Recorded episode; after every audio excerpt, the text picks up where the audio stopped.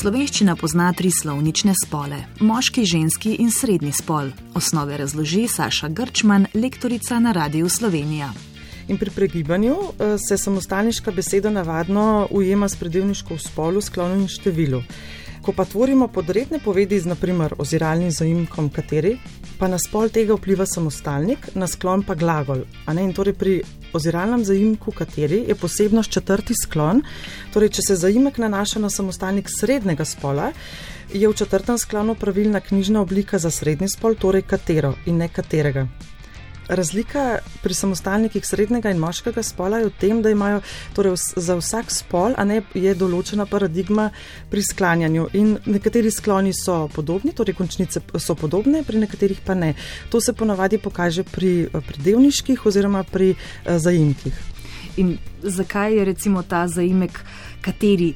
tisti, ki povzroča težave. Pri sklanjanju zaimka kateri se eh, vzorec ponavlja, tudi za drugi sklon katerega, torej pri moškem spolu, ne za drugi sklon katerega, tudi za četrti sklon katerega. In potem je podobnost tudi v srednjem spolu, eh, ki je pa v rodilniku katerega. V tožilniku je pa katero, ker se nanaša na samostalnik srednjega spola. To je torej ta kiks. Tako. To se dogaja. Za lažjo oziroma boljšo predstavo Saša Grčman doda še nekaj praktičnih primerov. Zbrala sem nekaj primerov, naprimer zastavite nam vprašanje, na katerega bomo skušali odgovoriti, razprave o gledališču, na katerega letijo kritike, ali pa naprimer jezero, v katerega so odvrgli smeti. Zdaj, tako eh, pri naprimer, prvem primeru, a ne zastavite nam vprašanje, na katerega bomo skušali odgovoriti. Če analiziramo odvisni stavek, se vprašamo, na koga ali na kaj bomo odgovorili na vprašanje. Torej, samostalnik je v četrtem sklonu in srednjega spola je samostalnik vprašanje. Uh, ker pa v povedi uporabimo zaimek, mora biti tudi zaimek v četrtem sklonu, vendar pa v vzorcu za srednji spol, torej katero Pravilno bi torej bilo zastaviti nam vprašanje, na katero bomo skušali odgovoriti. In podobno, seveda, oziroma enako za sledeča primera. Tako.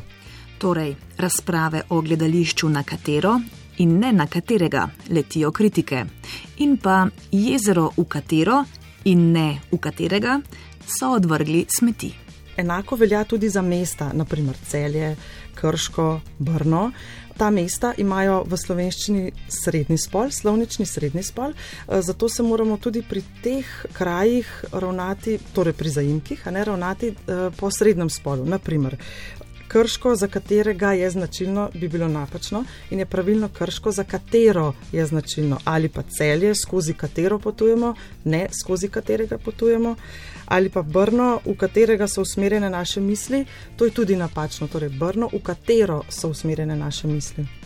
Zakaj se torej dogaja ta kiks, kje lahko iščemo vzroke za njega? Napake se pogosto dogajajo ravno zaradi mešanja med uh, sklanjatvenima vzorcema za moški in srednji spol. Uh, to govorca pri spontanem tvorjenju hitro zavede in je pri tem lahko manj pozoren, da je pač uh, naredil napako.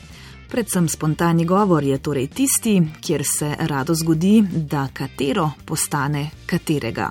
Zato pozornost tu ne bo odveč.